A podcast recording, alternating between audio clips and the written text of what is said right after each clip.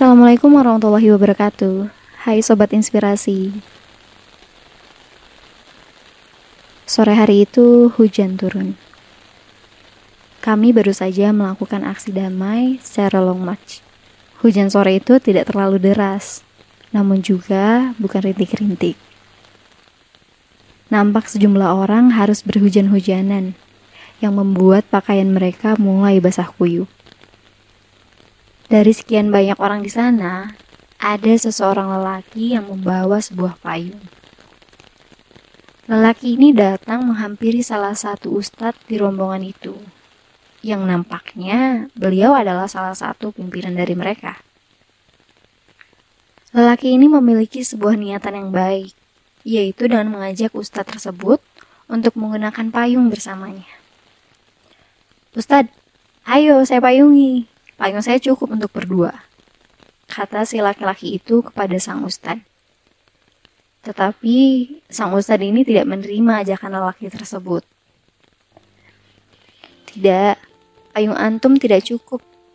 Silahkan payungi diri antum saja, akhi. Tolak ustad tersebut. Lelaki itu percaya payung ini akan cukup untuk mereka berdua. Sehingga ia menawari sang ustad lagi. Oh, tidak Ustadz, payung saya cukup untuk kita berdua. Mari Ustadz. Tapi sang Ustadz ini masih saja menolak ajakan lelaki itu. Tidak Ahi, terima kasih. Jawab si Ustadz sambil tersenyum. Lelaki itu terlihat bingung dengan jawaban Ustadz tersebut. Jelas-jelas payung ini besar dan cukup berdua. Dan akhirnya sang Ustadz menjelaskan alasannya. Payung Anda mungkin cukup untuk kita berdua, tetapi tidak cukup untuk memayungi kami semua yang ada di sini. Ya, semua mereka yang ikut aksi damai ini. Si pemuda pun langsung melihat sekelilingnya. Ia tertegun, tersenyum, dan tersipu malu. Dan akhirnya lelaki ini pun menangkupkan payungnya yang sedang ia pakai dan ia memilih berhujan-hujanan dengan sang ustadz dan orang-orang yang berjalan di belakangnya. Sembari meneruskan perjalanan yang tentunya masih diguyur hujan, sang ustadz menjelaskan mengapa ia mengatakan seperti tadi. Yang tentunya perkataan itu terlontar karena dasar yang jelas. Ketika dirinya masih kecil, ada satu perkataan dari hadis Nabi yang selalu ia ingat. Hadisnya seperti ini. Sesungguhnya Allah tidak menyukai hamba yang suka diistimewakan dibandingkan sahabat-sahabatnya. Nah, Ustadz ini secara tidak langsung mencontohkan bagaimana kita harus bersikap. Ustadz tersebut juga tidak semerta-merta langsung mengatakan saya tidak mau diistimewakan melainkan ustaz tersebut langsung mengarahkan ke dalam sebuah hadis. Sobat inspirasi juga mungkin pernah melihat atau mengalami sendiri mendapatkan penolakan yang tidak ada alasannya. Hal tersebut juga terkadang membuat kita ragu atas keputusan mereka yang menolak bantuan tersebut. Atau bahkan, terkadang penolakan itu disertai dengan amarah atau sikap yang tidak baik lainnya. Lain halnya dengan sang ustadz yang menolak dan kalimat yang baik.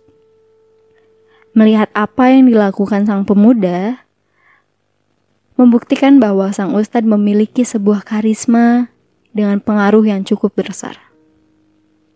Sehingga ustadz pun tidak boleh sembarang bertindak, apalagi jika seseorang itu sudah ditunjuk atau diamanahi menjadi seorang pemimpin.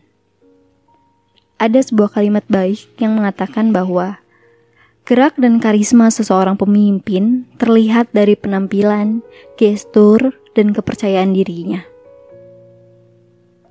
Apalagi untuk memimpin sebuah organisasi, entah itu kecil ataupun besar, hal tersebut sangatlah mempengaruhi sang pemimpin untuk membangun kepercayaan terhadap anggotanya. Jika kita melihat pada masa lampau, yaitu di zaman Rasulullah Wasallam, Masyarakat Arab sudah dapat memprediksi Nabi Muhammad SAW yang beliau masih belia saat itu, mereka tahu kelak beliau akan menjadi seorang pemimpin yang besar. Dilihat dari gaya bicaranya, gerak tubuhnya, cara beliau mengamati sesuatu, apalagi ketika ia berbicara dengan orang lain. Mereka semakin yakin akan hal itu. Banyak masyarakat Makkah yang sudah punya firasat tersebut bahwa beliau akan menjadi seorang pemimpin pemimpin yang bisa memikul persoalan dan tanggung jawab yang besar di kemudian hari nanti. Pada dasarnya kita semua tahu bahwa secara umum seorang laki-laki memiliki sifat yang jantan. Salah satunya ialah memiliki insting kecenderungan untuk memimpin. Berbeda dengan wanita yang lebih suka dipimpin. Itulah kenapa laki-laki harus menjadi pemimpin Menjadi pemimpin bukan berarti langsung memimpin banyak orang, tetapi bisa dimulai dari memimpin diri sendiri. Pemimpin juga harus tahu kapan harus bertindak, kapan harus menunggu, kapan harus berbicara, kapan harus diam. Salah satu keteladanan lain dan salah satu attitude yang ditunjukkan Rasulullah sebagai pemimpin adalah ketika beliau dan sahabat-sahabatnya menggali parit bersama-sama dalam perang Khandaq. Saat itu ada salah seorang sahabat bernama Jabir bin Abdullah memasak daging kari kambing, namun karena sahabatnya ini bukan orang yang berkecukupan, maka kambing yang dia masak tidak cukup untuk menjamu semua orang yang ada di situ. Karenanya dia secara diam-diam hanya mengundang Rasulullah Shallallahu Alaihi Wasallam saja untuk diajaknya makan. Alasannya beliau adalah pemimpin, maka pemimpin harus diutamakan. Akhirnya secara diam-diam Jabir ini mengutarakan niatnya untuk menjamu Rasulullah secara pribadi. Tapi coba tebak apa yang dilakukan Rasulullah Beliau justru memanggil semua sahabat-sahabatnya yang saat itu sedang menggali parit untuk ikut serta dalam acara makan-makan tersebut. Jabir tentu saja kewalahan dan takut jika makanannya tidak cukup.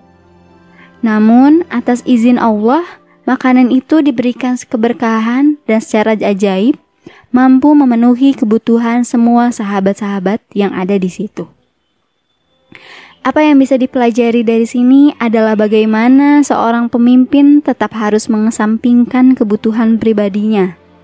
Apalagi dia sedang mengerjakan sesuatu yang bersifat kepentingan umum. Rasulullah dalam riwayat diceritakan memang terlihat begitu lapar pada hari itu. Tapi beliau sadar bahwasannya para sahabat-sahabatnya juga ikut berlapar-lapar dalam upaya membantu warga kota Madinah saat itu dengan membuat parit-parit mengelilingi kota. Saat kita butuh orang-orang yang seperti ini, orang-orang yang biasa merasakan senasib sepenanggungan antara pemimpin dan orang-orang yang dipimpin, biasanya orang-orang ini terbentuk sejak masa kecilnya yang biasanya dulu dia serba kekurangan. Sehingga dari situ dia bisa bersyukur di kemudian hari bukan hanya sekedar ucapan, tapi juga tindakan melalui sebuah amal mulia yang mereka sebut dengan berbagi.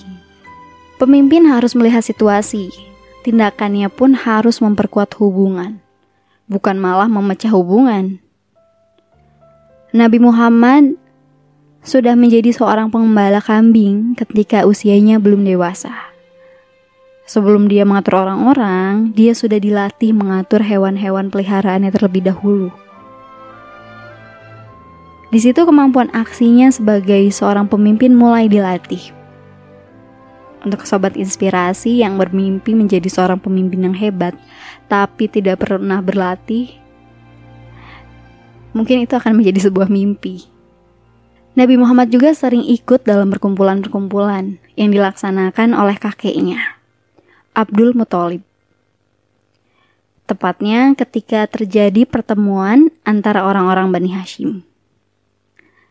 Dari sana ia mendengarkan orang-orang berbicara dan mulai belajar bagaimana cara berbicara di depan publik. Kadang, orang-orang yang hebat dan besar justru melahirkan anak-anak yang biasa saja. Dikarenakan mereka terlalu dimanja dengan fasilitas dan cenderung menjadi follower daripada menjadi trendsetter. Itu mungkin terjadi ketika kamu hanya menikmati kebesaran orang tuamu atau harta dari orang tuamu dan kamu merasa tenang bahwa ah udahlah saya punya orang tua kaya, saya punya orang yang saya punya orang tua yang memiliki sebuah perusahaan besar atau memiliki sebuah sekolah yang besar. Jadi saya tidak usah takut dan saya tidak akan mungkin menjadi seorang pemimpin. Jika kamu berpikir seperti itu, selamat datang di dunia kemalasan. Hal tersebut juga tidak bisa menjadi patokan sebenarnya. Karena pada dasarnya, seorang pemimpin yang baik akan hadir ketika sang calon pemimpin ini mau terus berusaha. Entah itu dari attitude-nya, kecerdasannya, atau penampilan, dan tentunya terus mencontohkan hal-hal yang baik. Sepintar apa pun seorang pemimpin, tapi tidak memiliki attitude yang baik, sama saja dengan kebohongan orang-orang pun tidak akan segan dengan kalian. Orang-orang pun akan berpikir dua kali untuk menunjuk kalian sebagai pemimpin. Orang-orang pun akan memikir dua kali ketika harus memiliki pemimpin yang attitude yang buruk. Mana ada seorang pengikut yang dipimpin oleh seorang pemimpin yang buruk, atau penampilan mereka yang tidak pantas mereka pun akan semakin ragu. Jadi itulah kenapa seorang pemimpin terkadang dilihat juga dari gestur mereka, penampilan mereka, atau hal-hal lainnya. Saya email dari Indramayu untuk inspirasi Nabi. Terima kasih. Wassalamualaikum warahmatullahi wabarakatuh.